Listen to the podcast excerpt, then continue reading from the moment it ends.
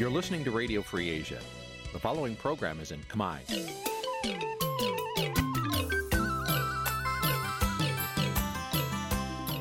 នេះជាកម្មវិធីផ្សាយ Vuthu Azizi Serai នេះជាកម្មវិធីផ្សាយរបស់ Vuthu Azizi Serai ជាភាសាខ្មែរ Vuthu Azizi Serai សូមស្វាគមន៍លោកអ្នកនាងទាំងអស់ពីរដ្ឋធានី Washington នៃសហរដ្ឋអាមេរិក បាទពីរដ្ឋធានី Washington ខ្ញុំបាទជាចំណានសូមជម្រាបសួរលោកអ្នកនាងអ្នកស្ដាប់ Vuthu Azizi Serai ទាំងអស់ជាទីមេត្រីជាងខ្ញុំសូមជូនកម្មវិធីផ្សាយសម្រាប់ព្រឹកថ្ងៃច័ន្ទ900ខែភទ្របទឆ្នាំឆ្លូវត្រីស័កពុទ្ធសករាជ2565ដែលត្រូវនៅថ្ងៃទី27ខែកញ្ញាគ្រិស្តសករាជ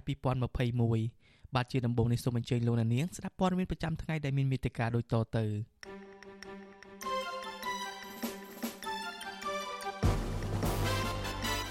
សង្គមស៊ីវិលស្នើឲ្យរដ្ឋាភិបាលទម្លាក់ចោលការចោទប្រកាន់លើសកម្មជនសិទ្ធិមនុស្សនិងបរិស្ថានដោយករណីបណ្ឌិតសេងសេរី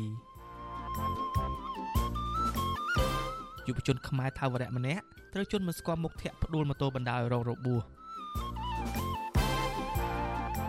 ពលរដ្ឋក្នុងតំបន់បិទគប់ក្នុងខេត្តសៀមរាបអំពាវនាវរកជំនួយពីរដ្ឋាភិបាលលោកហ៊ុនសែនបន្តយុទ្ធនាការគម្រាមនឹងលួងលោម ដើម្បីកម្ចាត់បកប្រឆាំងរួមនឹងព័ត៌មានមួយចំនួនទៀត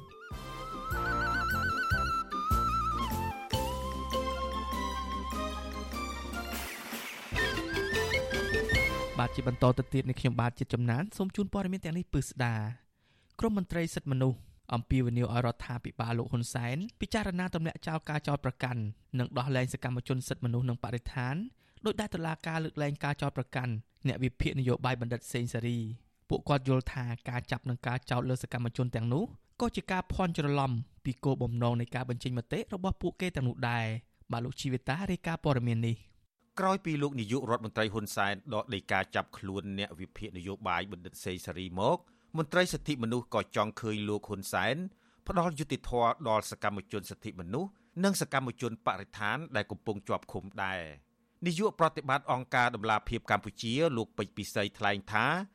សកម្មភាពរបស់លោករងឈុននិងសកម្មភាពយុវជនការពីបរិស្ថាន គឺគ្មានចំណុចណាដែលបញ្ជាក់ពីបទល្មើសនោះទេពលគឺពួកគាត់គ្រាន់តែបញ្ចេញមតិខ្វាយខ្វល់ពីបញ្ហាសង្គមនិងបរិស្ថាន ដែលស្របតាមច្បាប់ប៉ុណ្ណោះលោកស្នើសុំឲ្យរដ្ឋាភិបាលនិងតុលាការលើកលែងការចោទប្រកាន់ប្រឆាំងពួកគាត់ដោយដែលតុលាការបានធ្វើចំពោះបណ្ឌិតសេសារីដែរនិងដោះលែងពួកគាត់ឲ្យមានសេរីភាពឡើងវិញ ដើម្បីបន្តចូលរួមការងារសង្គមទៅមុខទៀតការបង្កលក្ខណៈបង្កលទ្ធភាពឲ្យមានមតិត្រឡប់ឲ្យមានការរិះគន់ពីគ្រប់និន្នាការទាំងអស់និន្នាការណាក៏ដោយនយោបាយក្តីសាសនាក្តីវប្បធម៌ក្តីសិទ្ធិសេរីភាពសេដ្ឋកិច្ចផ្សេងៗទៀតក្តីគឺយើងគួរតែបើកចំហព្រោះតែមានតែការជជែកការរិះគន់ទេដែលនាំឲ្យការរីកចម្រើនដល់ប្រទេសជាតិទាំងមូលហើយខ្ញុំក៏តាមមកដល់ពេលនេះកម្ពុជាគឺមានធនធានមនុស្សគ្រប់គ្រាន់នៅក្នុងការធ្វើកិច្ចការដោយខ្លួនឯងបាទអញ្ចឹងគឺយើងគួរតែបង្កលទ្ធភាពឲ្យបញ្ញវន្តទាំងអស់ដែលចេះដឹងនឹងចូលរួមក្នុងកិច្ចការសង្គមលោកពេជ្រពិសីបន្តថា ប្រសិនបើរដ្ឋាភិបាលធ្វើទុកបុកម្នេញឬមិនបើកឱកាសឲ្យបញ្ញវន្តបញ្ចេញសមត្ថភាពចូលរួមកសាងសង្គមជាតិទេ វានឹងធ្វើឲ្យពួកគេអស់សង្ឃឹមហើយរត់ភៀសខ្លួនទៅរស់នៅប្រទេសជឿនលឿនដែលនាំឲ្យខាតបង់ដល់ជាតិកម្ពុជាធ្ងន់ធ្ងរ កាលណាគាត់ចេះដឹងហើយគាត់អត់មានឱកាសនៅក្នុងការបញ្ចេញសមត្ថភាពឲ្យអស់សក្តានុពលរបស់គាត់នៅក្នុងការកសាងគុំជាតិកសាងគ្រួសារខ្លួនឯងគឺគាត់ត្រូវតែញ៉ាំចិត្តជ្រើសរើសនៅប្រទេសក្រៅបាទហើយកន្លែងហ្នឹងហើយគឺយើងនឹងបាត់បង់ខុសក្បាលអ្នកចេះដឹងនៅក្នុងសង្គមយើងហ្នឹងគាត់ត្រូវរត់ទៅនៅអូស្ត្រាលីទៅនៅអង់គ្លេសទៅនៅបារាំងទៅនៅអាមេរិកដែលជាប្រទេសដែលមានអ្នកចេះដឹងច្រើនទៅហើយហើយយើងជាប្រទេសដែលត្រូវការអ្នកចេះដឹងដោយសារយើងអត់ផ្ដល់ឱកាសជូនគាត់គាត់ជារឿងធម្មតាទេហើយយើងមិនបន្ទោសគាត់ទេគឺគាត់ត្រូវតែជ្រើសរើសផ្លូវមួយទៀតដែលចំណេញដល់ខ្លួនគាត់ហើយព្រោះគាត់មានឱកាសធំធេងនៅប្រទេសផ្សេងទទួលបានសិទ្ធិសេរីភាពក៏ដូចជាប្រយោជន៍សេដ្ឋកិច្ចផ្សេងជាមួយគ្នានេះប្រធានផ្នែកកម្មវិធីស្រាវជ្រាវនិងតស៊ូមតិនៃសមាគមបណ្ដាញយុវជនកម្ពុជា លោកហេងកំហុងលើកឡើងថារដ្ឋាភិបាលគួរតែពិចារណាដោះលែងលោករងឈុននិងយុវជនសង្គមយុវជនបរិស្ថានឲ្យមានសេរីភាពឡើងវិញព្រោះសកម្មភាពរបស់ពួកគាត់ក៏ជាការអនុវត្តសិទ្ធិស្របច្បាប់ដោយបណ្ឌិតសេងសេរីដែរ ពីព្រោះអីយើងគ្រប់គ្នាសុទ្ធសឹងតែបានដឹងបានលឺហើយมันខុសអីពីសំណុំរឿងតាក់ទិនជាមួយនឹងលោកបណ្ឌិតសេងសេរីទេបាទគឺកម្មជនទាំងអស់នោះទោះបីជាពេលខ្លះគាត់និយាយគំរោះគំរើយធម្មតាពាក្យពិតរែងស្លែងណាបាទតែធម្មតាអ្វីដែលជាអត្តន័យខ្លឹមសារឬក៏អ្វីដែលពួកគាត់ចូលរួមហ្នឹងគឺគ្រាន់តែចង់ការពារប្រយោជន៍រួមនៃសង្គមទេមិនមែនជាអ្នកទៅប្រព្រឹត្តបទឧក្រិដ្ឋអីណាបាទការលើកឡើងបែបនេះបន្ទាប់ពីលោកនាយករដ្ឋមន្ត្រីហ៊ុនសែនកាលពីថ្ងៃទី20កញ្ញា បានផ្លាស់ប្តូរចិត្តរបស់លោកដោយស្នើដល់ស្ថាប័នតុលាការឲ្យដកហូតដីកាចាប់ខ្លួនបណ្ឌិតសេងសេរីមកវិញក្រោយពីលោកអះអាងថាលោកបានស្ដាប់ការបកស្រាយរបស់អ្នកវិភាគរូបនេះការលើកលែងការចោទប្រកាន់នេះធ្វើឡើង4ថ្ងៃក្រោយពីលោកហ៊ុនសែនបានប្រកាសតាមចាប់ខ្លួនបណ្ឌិតសេងសេរីពាក់ព័ន្ធនឹងការបង្ហោះទស្សនវិភាគនៅលើបណ្ដាញសង្គម Facebook អំពីលក្ខខណ្ឌ6ចំណុចដែលអាចបង្កើតរដ្ឋាភិបាលបង្រួបបង្រួមជាតិតាមការអំពាវនាវរបស់លោកសំរងស៊ី ប្រធានសមាគមគ្រូបង្រៀនកម្ពុជាឯករាជ្យនិងជាសហការីស្និទ្ធរបស់លោករងឈុនគឺអ្នកស្រីអុកឆាយាវីនិយាយថាការលើកលែងការចោទប្រកាន់ដល់បណ្ឌិតសេងសេរីដោយសារលោកហ៊ុនសែនបានស្ដាប់ការបកស្រាយហើយឈប់ភ័ន្តច្រឡំលើការបញ្ចេញមតិរបស់គាត់អ្នកស្រីបន្តថាដូច្នេះលោកហ៊ុនសែនគួរដោះលែងលោករងឈុននិងអ្នកកំពុងជាប់ឃុំដោយអយុត្តិធម៌ផ្សេងទៀត លោកនាយករដ្ឋមន្ត្រីលើកលែងការចោទប្រកាន់របស់លោកសេនសារីចឹងខ្ញុំគិតថានាយករដ្ឋមន្ត្រីគួរពិចារណាលើការលើកលែងទោសដល់លោករងឈុនហើយនិងអ្នកដែលចាប់ដាក់ពន្ធនាគារដោយអយុត្តិធម៌ទាំងអស់ក្នុងផងដែរព្រោះអីពួកគាត់អត់មានចេតនាទៅបំផ្លាញប្រទេសជាតិទៅ នាំវឹកវរដល់សង្គមអីទេ គឺពួកគាត់ធ្វើនេះគ្រាន់តែសម្ដែងមតិហើយការដែលចាត់នេះគឺចាត់ទាំងអត់មានកំហុសហើយចឹងគួរតែនាយករដ្ឋមន្ត្រីពិចារណាលើកលែងទោសឲ្យពួកគាត់ទាំងអស់គ្នាជួបជុំក្រុមគ្រួសារគាត់ពេញផងដែរទៅចាដើម្បីឲ្យគេមើលមកថាខ្មែរយើងចេះអធិស្ឋានឲ្យគ្នាចេះអត់អោនឲ្យគ្នាជុំវិញរឿងនេះ វិទ្យុអាស៊ីសេរីមិនអាចសុំការឆ្លើយតបពីប្រធានអង្គភិបអ្នកណែនាំពាក្យរដ្ឋាភិបាលលោកផៃស៊ីផាននិងអ្នកនាំពាក្យគណៈបកកាន់អំណាចលោកសុកអេសានបានទេដោយទូរស័ព្ទចូលពុំមានអ្នកទទួលអញ្ញាធរបានចាប់លោករងឈុនកាលពីយប់ថ្ងៃទី31កក្កដាឆ្នាំ2020ក្រោយពីលោកចេញសេចក្តីថ្លែងការណ៍និងផ្ដល់បទសម្ភាសន៍ដល់អ្នកសារព័ត៌មានទាក់ទងនឹងការលើកឡើងរបស់កសិករខ្មែរ អំពីបញ្ហាបាត់ដីនៅក្បែរតំបន់ព្រំដែនក្នុងខេត្តត្បូងឃ្មុំទៅប្រទេសវៀតណាម បន្ទាប់មកអញ្ញាធរក៏បានចាប់ខ្លួនអ្នកនយោបាយប្រសង់រួមទាំងយុវជនជាច្រើនអ្នកដាក់ពន្ធនាគារជាបន្តបន្ទាប់ដោយសារពួកគេតវ៉ាដោយសន្តិវិធីទាមទារឲ្យដោះលែងលោករងឈុនក្រោយមកទៀតអញ្ញាធរក៏បានចាប់ខ្លួនយុវជនការពារបរិស្ថាន3នាក់គឺលោកថនរដ្ឋាកញ្ញាភួនកែវរស្មី និងកញ្ញាលងគុន្ធា ដោយសារពួកគេទាមទារឲ្យបញ្ឈប់ការលុបបង្តមោកតុលាការក្រុងភ្នំពេញបានកាត់ទោសលោករងឈុននិងសកម្មជនមួយចំនួនទៀតឲ្យជាប់ពន្ធនាគារចន្លោះពី1ឆ្នាំកន្លះទៅ2ឆ្នាំនិងមួយចំនួនទៀតកំពុងរងចាំការជំនុំជម្រះនិងការកាត់ទោសក្នុងបទចោទប្រកាន់ដូចដូចគ្នាគឺបទញុះញង់ឲ្យមានភាពវឹកវរធ្ងន់ធ្ងរដល់សន្តិសុខសង្គមកាលពីខែមិថុនាឆ្នាំ2021នេះ អាជ្ញាធរក្រុងភ្នំពេញក៏បានចាប់ខ្លួនយុវជនការពារបរិស្ថាន3នាក់បន្ថែមទៀតដោយចោទពីបទរួមគំនិតក្បត់និងប្រមាថព្រះមហាក្សត្រពាក់ព័ន្ធការងារបរិស្ថានតុលាការក៏បានបន្ថែមបទចោទប្រកាន់ថ្មីនេះទៅលើយុវជនបរិស្ថាន3នាក់ដែលបានកាត់ទោសរួចនោះផងដែរទោះជាយ៉ាងណាក្រុមអង្គការជាតិនិងអន្តរជាតិព្រមទាំងក្រុមប្រទេសប្រជាធិបតេយ្យបានថ្កោលទោសចំពោះការចាប់ខ្លួនសកម្មជនទាំងនេះថា ធ្វើឡើងដោយគ្មានមូលដ្ឋានច្បាប់និងទាមទារឲ្យរដ្ឋាភិបាលប្រគល់សិទ្ធិសេរីភាពជូនពួកគេឡើងវិញដោយឥតលក្ខខណ្ឌខ្ញុំជីវិតាអាស៊ីសេរីបាទតកតនឹងការធ្វើទុកបុកម្នេញលើសកម្មជនវិញម្ដងយុវជនខ្មែរថាវរៈម្នាក់ត្រូវបានជន់មិនស្គាល់មុខធាក់ផ្ដួលម៉ូតូបោកក្បាលទៅលើថ្នល់បណ្ដាលឲ្យរងរបួសធ្ងន់តាមផ្លូវក្នុងរាជធានីភ្នំពេញកាលពីព្រឹកថ្ងៃទី26ខែកញ្ញាមន្ត្រីសង្គមស៊ីវិល ជំរុញឲ្យសមត្ថកិច្ចពាក់ព័ន្ធស្រាវជ្រាវនិងស៊ើបអង្កេតស្វែងរកជនល្មើសយកមកអនុវត្តតាមផ្លូវច្បាប់ឲ្យបានច្បាស់លាស់ដើម្បីបង្កើតជំនឿចិត្តជូនពលរដ្ឋបាទលោកមេរិតរីកាអំពីរឿងនេះយុវជនដែលសកម្មលើកិច្ចការងារសង្គមនិងធនធានធម្មជាតិមួយរូបគឺកញ្ញាតូចស្រីនិចត្រូវបានជន់មិនស្គាល់មុខមានគ្នា5នាក់ជិះម៉ូតូទំនើប4គ្រឿងបានធាក់ផ្ដួលម៉ូតូកញ្ញាបណ្ដាលឲ្យរងរបួសធ្ងន់នៅចំណុចផ្សារបឹងត្បែករាជធានីភ្នំពេញនៅព្រឹកថ្ងៃទី26ខែកញ្ញា កញ្ញាទៀមទាឲ្យអាជ្ញាធរពាក់ព័ន្ធវែកមកចាប់ជនដៃដល់យកមកទទួលខុសត្រូវជុំវិញករណីហិង្សានេះយុវជនខ្មែរថាវរៈកញ្ញាតូចស្រីនិចប្រវិសុយស៊ីស្រីថាករណីនេះបានធ្វើឲ្យកញ្ញាដួលបោកក្បាលទៅនឹងខ្នល់ដោយរងរបួសធ្ងន់នៅត្រង់ក្បាលនិងដៃជើងផ្នែកខាងស្ដាំក៏ប៉ុន្តែកញ្ញាមិនបានទៅមន្ទីរពេទ្យនោះទេដោយសារកញ្ញាគ្មានប្រាក់សម្រាប់ពិនិត្យនិងព្យាបាលរបួស យុវជនរូបនេះប្រាប់ថាកញ្ញានឹងដាក់ពាក្យបណ្ដឹងទៅអាជ្ញាធរមានសមត្ថកិច្ចនាពេលខាងមុខនេះដើម្បីចាប់ជនដៃដល់យកមកផ្ដន្ទាទោសតាមផ្លូវច្បាប់កញ្ញាតូចស្រីនិចព្រួយបារម្ភថាករណីនេះអាចពាក់ព័ន្ធនឹងរឿងធ្វើទុកបុកម្នេញនិងបំផិតបំភ័យយុវជនសង្គមព្រោះវាជាករណីតែមួយដោយករណីជនរងគ្រោះដែលជាសកម្មជនសង្គមនិងសកម្មជននយោបាយផ្សេងទៀតដែរ កញ្ញាអះអាងថាអំឡុងពេល4ថ្ងៃមុនពេលកើតហេតុនេះកញ្ញាសង្កេតឃើញមានជនមិនស្គាល់អត្តសញ្ញាណបានតាមដាននិងឃ្លាំមើលសកម្មភាពរបស់កញ្ញាជាបន្តបន្ទាប់ ហើយខ្ញុំមិនបំពេញចំពោះអ្នកណាម្នាក់ដែលធ្វើអាក្រក់ក៏ខ្ញុំអត់បំពេញខ្ញុំអត់មានទៅធ្វើអីគេគ្រាន់តែអ្វីដែលរងភាពអយុត្តិធម៌អ្វីមានការជឿចាប់ចេញពីចិត្តខ្ញុំខ្ញុំនឹងធ្វើបើខ្ញុំដាក់ចិត្តធ្វើខ្ញុំអត់ខ្លាចព្រោះខ្ញុំគិតថាខ្ញុំអត់ខុសខ្ញុំអត់បានទៅទៅជេរឬទៅប្រមាថអ្នកណាម្នាក់ខ្ញុំអត់បានធ្វើខ្ញុំធ្វើតាមក្តីស្រឡាញ់របស់ខ្ញុំហើយក្តីសម័យរបស់ខ្ញុំចង់ឲ្យប្រទេសរីកចម្រើនខ្ញុំមិនមែនយកមកធ្វើដើម្បីផលប្រយោជន៍ខ្លួនឯងណា ករណីនេះកើតមានឡើងបន្ទាប់ពីកញ្ញាផ្ដោតបទសម្ភាសឲ្យវិសុវអាស៊ីស្រីកាលពីថ្ងៃទី24ខែកញ្ញាតាក់ទងទៅនឹងការរដ្ឋបិទនឹងការធ្វើទុកបុកម្នេញពីសំណាក់អាជ្ញាធររបស់លោកហ៊ុនសែនមកលើសកម្មជនយុវជនសង្គមនិងសកម្មជនយុវជនបពប្រឆាំងដែលធ្វើឲ្យពួកគេមិនអាចចូលរួមកសាងនិងអភិវឌ្ឍសង្គមបានទោះយ៉ាងណាស្រីនិតបញ្ជាក់ថាបើទោះបីជាទទួលរងនៅអំពើហិង្សានិងការតាមដានពីសំណាក់ជនមិនស្គាល់មុខឬអាជ្ញាធរក៏ដោយ ក៏កញ្ញានៅតែបដិញ្ញាចិត្តបន្តចូលរួមការពារផលប្រយោជន៍សង្គមដដែលវិសុយអ៊ីស្រាអែលមិនអាចតាក់ទងណែនាំពីអគ្គស្នងការដ្ឋាននគរបាលជាតិលោកឆៃកំខឿននិងណែនាំពីប៉ូលីសក្រុងភ្នំពេញលោកសានសុកសីហាដើម្បីសាកសួរពីការស៊ើបអង្កេតរឿងនេះបាននៅឡើយទេនៅថ្ងៃទី26ខែកញ្ញាដោយទូរស័ព្ទចូលតែពុំមានអ្នកទទួលក៏ប៉ុន្តែកន្លងមក ករណីហិង្សាលើសកម្មជនសង្គមនិងគណៈបពប្រឆាំងសមត្ថកិច្ចតែងតែស្នើឲ្យជនរងគ្រោះដាក់ពីបណ្ដឹងសហការនឹងទុកចិត្តលើសមត្ថកិច្ចក៏ប៉ុន្តែជនរងគ្រោះអះអាងថាអាញាធរមិនដែលបង្ហាញលទ្ធផលឬភ័ស្តុតាងដែលអាចជឿទុកចិត្តបានតាក់ទងទៅនឹងដំណើរការស៊ើបអង្កេតដើម្បីស្វែងរកយុត្តិធម៌ដល់ជនរងគ្រោះនោះឡើយ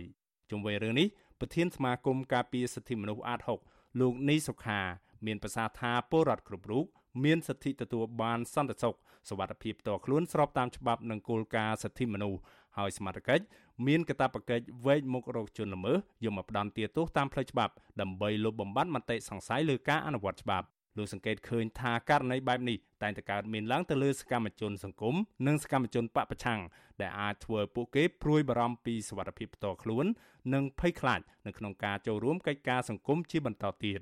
លោកចាត់ទុកករណីហិង្សាទៅលើយុវជនខ្មែរថាវរៈនេះថាគឺជាអំពើរំលោភសិទ្ធិមនុស្សធ្ងន់ធ្ងរប្រសិនបើសមត្ថកិច្ចមិនបានស៊ើបអង្កេតរោគជនល្មើសយកមកផ្ដន្ទាទោសតាមផ្លូវច្បាប់ យើងឃើញថាមានប្រជាពលរដ្ឋយើងមួយចំនួនពិសេសក្រុមមួយចំនួនដែលតែងតែតិជំទាស់ជាមួយនឹងរដ្ឋាភិបាលកន្លងមកនេះរួមមានទាំងសកម្មជនបពប្រឆាំងផងអីផងនេះគឺថាមានការលួចវាយឆ្មក់វាយដំទៅតាមបណ្ដាដងផ្លូវតាមអីហ្នឹងមិនដែលសមត្ថកិច្ចវេកមុខរកជនល្មើសឃើញទេអានេះជារឿងមួយដែលយើងគិតថាប៉ះសិនបើសមត្ថកិច្ចនៅតែបន្តមិនអាចរកវេកមុខរកជនល្មើសឃើញយកមកដាក់ទោសទណ្ឌទេអាហ្នឹងវាធ្វើឲ្យស្ថានភាពនៃបរិយាកាសសេរីនឹងនៅប្រទេសកម្ពុជានឹងវាមានបញ្ហាបាទធ្លាក់ចុះបាទក៏រហូតមកដល់ពេលនេះមានសកម្មជនសង្គមនិងសកម្មជនបពប្រឆាំងជាង30នាក់ហើយដែលត្រូវជន់មិនស្គាល់មុខបង្កអំពើហិង្សាបណ្ដាលឲ្យរងរបួសធ្ងន់ធ្ងរហើយជនរងគ្រោះខ្លះបានស្លាប់និងធ្លាក់ខ្លួនពីការអស់មួយជីវិតក៏មាន ករណីទាំងនោះច្រើនមានលក្ខណៈប្រហាក់ប្រហែលគ្នាគឺជនដៃដល់ជិះម៉ូតូពាក់មួកសុវត្ថិភាពលួចវាយជនរងគ្រោះពីខាងក្រោយខ្នងឬធាក់ផ្ដួលម៉ូតូហើយភ ieck ច្រើនបំផុតអាជ្ញាធរមិនបានចាប់ខ្លួនជនដៃដល់យកមកផ្ដន់ទាទោសនោះទេជនរងគ្រោះខ្លះមិនត្រឹមតែមិនទទួលបានយុត្តិធម៌នោះទេតែថែមទាំងត្រូវបានជនល្មើសលួចវាយប្រហារផ្ទួនផ្ទួនគ្នាពីរលើកហើយអ្នកខ្លះទៀតថែមទាំងត្រូវបានអាជ្ញាធររបបក្រុងភ្នំពេញចាប់ឃុំខ្លួនដាក់ក្នុងពន្ធនាគារទៀតផង ក្រុមអង្គការជាតិនិងអន្តរជាតិរួមទាំងអង្គការសហជីវជាតិផង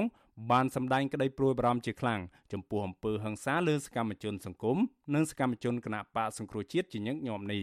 ពួកគេចាត់ទុកករណីនេះថាគឺជាការធ្វើទុកបុកម្នេញទៅលើក្រុមអ្នកការពារសិទ្ធិមនុស្សនិងសកម្មជននយោបាយដែលត្រូវតែបញ្ឈប់ជាបន្ទាន់ខ្ញុំបាទមេរិត Visual C ស្រី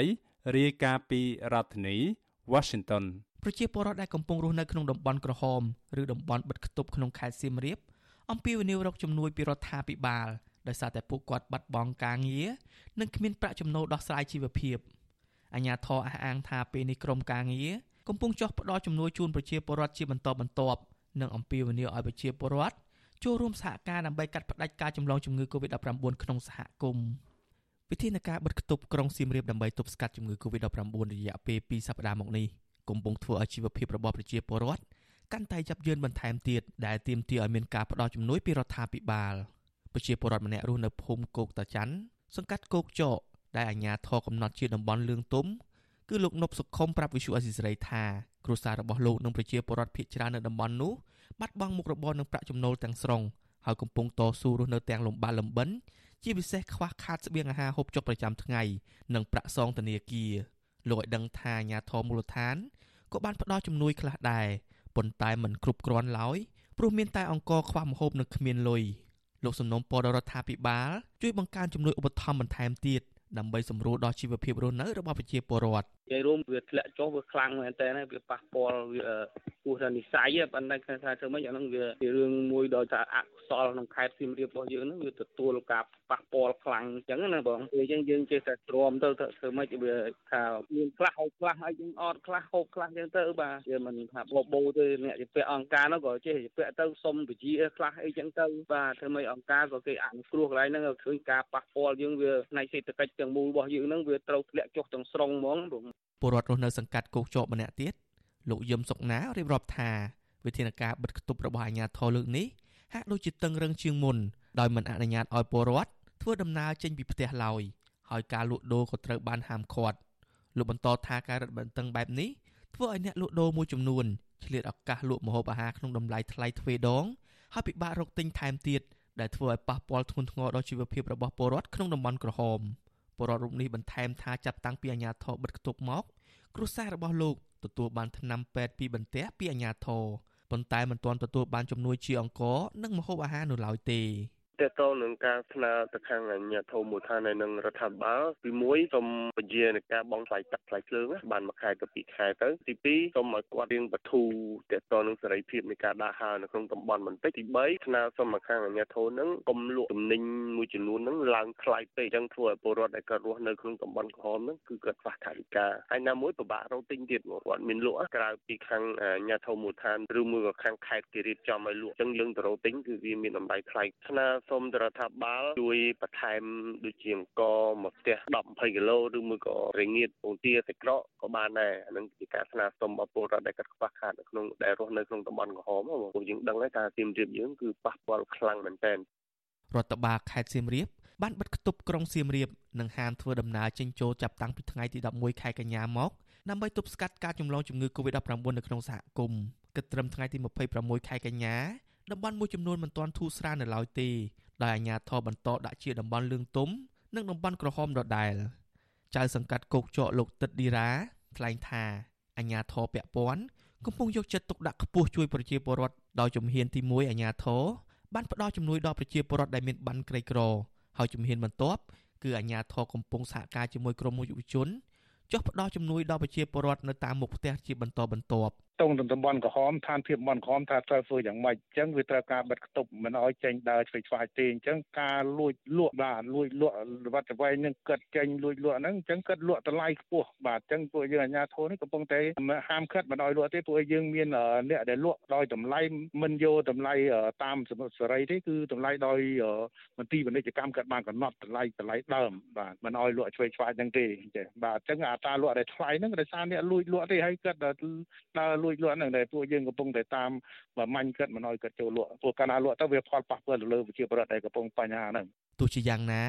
មន្ត្រីសមាគមការពារសិទ្ធិមនុស្សអាត់ហុកប្រចាំខេត្តសៀមរាបលោកស៊ូណារិនដែលកំពុងរស់នៅក្នុងតំបន់ក្រហមដែរនោះទទួលស្គាល់ថាប្រជាពលរដ្ឋរស់នៅតំបន់មួយចំនួនពិតជាមិនទាន់ទទួលបានជំនួយដូចជាស្បៀងអាហារនិងថ្នាំពេទ្យពីអាជ្ញាធរនៅឡើយហើយតម្លៃម្ហូបអាហារពិតជាឡើងថ្លៃខ្ពស់លោកជំរុញឲ្យអាជ្ញាធរយកចិត្តទុកដាក់បន្ថែមទៀតខ្ញុំគិតថាអាញាធរមុននឹងបិទនឹងត្រូវតែគិតពីហានិភ័យសម្រាប់ផ្ដល់ស្បៀងអីនឹងទុកឲ្យហើយលោកចង់បិទមួយខែក៏បានដែរប៉ុន្តែលោកត្រូវត្រៀមស្បៀងត្រៀមអាហារនឹងសម្រាប់ចែកជូនពលរដ្ឋដែលនៅតំបន់ក្រហមបាទពួកគាត់លំបាកណាស់ចេញពីផ្ទះអត់បានអញ្ចឹងណាអញ្ចឹងវាជាការពិតយើងអត់និយាយការពារទេជាការពិតគឺជាពលរដ្ឋអូនត្អែគ្រប់គ្នាបីត្បិតតែគាត់មានលុយទិញមែនតែគាត់ពិបាកក្នុងការចេញទៅក្រៅ កន្លងមកប្រជាពលរដ្ឋតែងតែរិះគន់រដ្ឋាភិបាលតាក់ទងនឹងការផ្ដល់ជំនួយយឺតយ៉ាវនិងមិនបានគ្រប់គ្រាន់ដល់ប្រជាពលរដ្ឋរស់នៅក្នុងតំបន់បិទគប់រហូតពលរដ្ឋនៅកន្លែងខ្លះបាននាំគ្នាផ្ទុះការតវ៉ាទៀតផងទើបអាជ្ញាធរយកជំនួយជូនពលរដ្ឋលើពីនេះប្រជាពលរដ្ឋមួយចំនួនក៏ខកចិត្តចំពោះលោកហ៊ុនសែនដែរដែលចំណាយលុយដ៏ច្រើនសន្ធឹកសន្ធាប់ជួក្រុមហ៊ុនបញ្ចុះបញ្ចូលឬ lobby នៅអាមេរិកដើម្បីជួយលុបលាងកេរ្តិ៍ឈ្មោះអាក្រក់របស់ខ្លួននិងផ្ដល់ជំនួយដល់ប្រទេសមួយចំនួន ដើម្បីទប់ស្កាត់ COVID-19 តែប្រទេសខ្លះនោះមានសេដ្ឋកិច្ចល្អជាងកម្ពុជាផងក្នុងគ្រាដែលពលរដ្ឋកម្ពុជាខ្លួនឯងកំពុងរងចាំជំនួយជាបន្ទាន់នោះ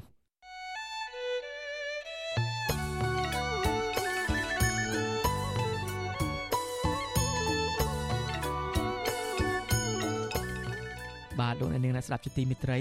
ក្រៅពីស្ដាប់និងទស្សនាការផ្សាយរបស់យើងខ្ញុំតាមបណ្ដាញសង្គម Facebook និង YouTube លោកអ្នកនាងក៏អាចស្ដាប់ការផ្សាយរបស់ Visual Assisary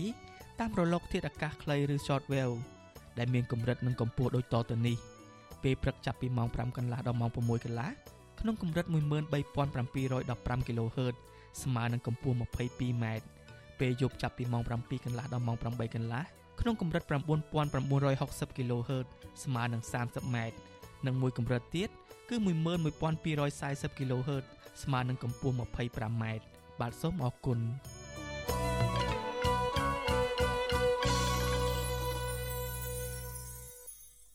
បាទលោកអ្នកនាងអ្នកស្ដាប់ជាទីមេត្រីក្រុមមេធាវីអះអាងថាការប្រកាសលក់សម្លេងឆ្នោតសម្រាប់ការបោះឆ្នោតជ្រើសតាំងក្រុមប្រឹក្សានៃគណៈមេធាវីនឹងមិនអាចទៅរួចទេព្រោះគ្មានអង្គឈរឈ្មោះបោះឆ្នោតណាទិញនោះទេ ការលើកឡើងនេះក្រោយពេលដែលគណៈមេធាវីបានប្រកាសថ្កោលទោសមេធាវីម្នាក់ ដែលបានប្រកាសលក់សម្លេងឆ្នោតសម្រាប់ការបោះឆ្នោតក្រុមប្រឹក្សាមេធាវីអាណត្តិទី10ខាងមុខនេះថាធ្វើឲ្យប៉ះពាល់ដល់កិត្តិយសមេធាវីបាទលោកមូណារ៉េតរាយការណ៍ព័ត៌មាននេះសមាជិកគណៈមេធាវីកម្ពុជាយល់ថាការប្រកាសលក់សម្លេងឆ្នោតរបស់លោកមេធាវីផាន់ច័ន្ទសាគឺគ្រាន់តែជាការធ្វើលេងសើចនៅក្នុងបណ្ដាញសង្គម Telegram តែប៉ុណ្ណោះព្រោះអង្គឈរឈ្មោះបោះឆ្នោតមិនដឹងថាត្រូវការសម្លេងឆ្នោតមួយសម្លេងបែបនេះបានប្រយោជន៍អ្វីនោះទេ ប្រធានការិយាល័យច្បាប់សីឡានិងជាអតីតសមាជិកក្រុមប្រឹក្សាគណៈមេធាវីអាណត្តិទី7លោកជួងជងីចាត់ទុកការប្រកាសលក់សម្លេងឆ្នោតរបស់លោកមេធាវីផាន់ច័ន្ទសាថាជាការលេងសើចជាមួយមិត្តភ័ក្តិរួមអាជីពនៅក្នុងក្រុមមេធាវីដែលមិនគួរណាគណៈមេធាវីចាប់ទោសអូសដំណើរគាត់បែបនេះនោះទេ លោកបញ្យល់ថាអង្គឈរឈ្មោះបោះឆ្នោតម្នាក់ម្នាក់ត្រូវការសម្លេងឆ្នោតយ៉ាងហោចណាស់ជាង300សម្លេងដើម្បីជាប់ជាសមាជិកក្រុមប្រឹក្សាគណៈមេធាវីដូច្នេះពួកគេគ្មានលុយទិញសម្លេងឆ្នោតមួយសន្លឹកក្នុងតម្លៃ1000ដុល្លារនោះទេលោកមេធាវីរូបនេះបន្តទៀតថាក្រោយការបោះឆ្នោតជាប់ហើយនោះសមាជិកក្រុមប្រឹក្សានៃគណៈមេធាវីទាំងអស់មិនទទួលបានប្រាក់បៀវត្សឬអត្ថប្រយោជន៍អ្វីនោះទេ ផ្ទុយទៅវិញ ពួកគេត្រូវរវល់ប្រជុំរាល់សប្តាហ៍ដើម្បីដោះស្រាយបញ្ហារបស់គណៈមេធាវីបើទោះបីជាយ៉ាងនេះក្តីអតីតសមាជិកក្រុមប្រឹក្សាគណៈមេធាវីអាណត្តិទី7រូបនេះអះអាងថាការឃោសនារោគសម្លេងឆ្នោត ដែលមានប្រសិទ្ធភាពទៅបាន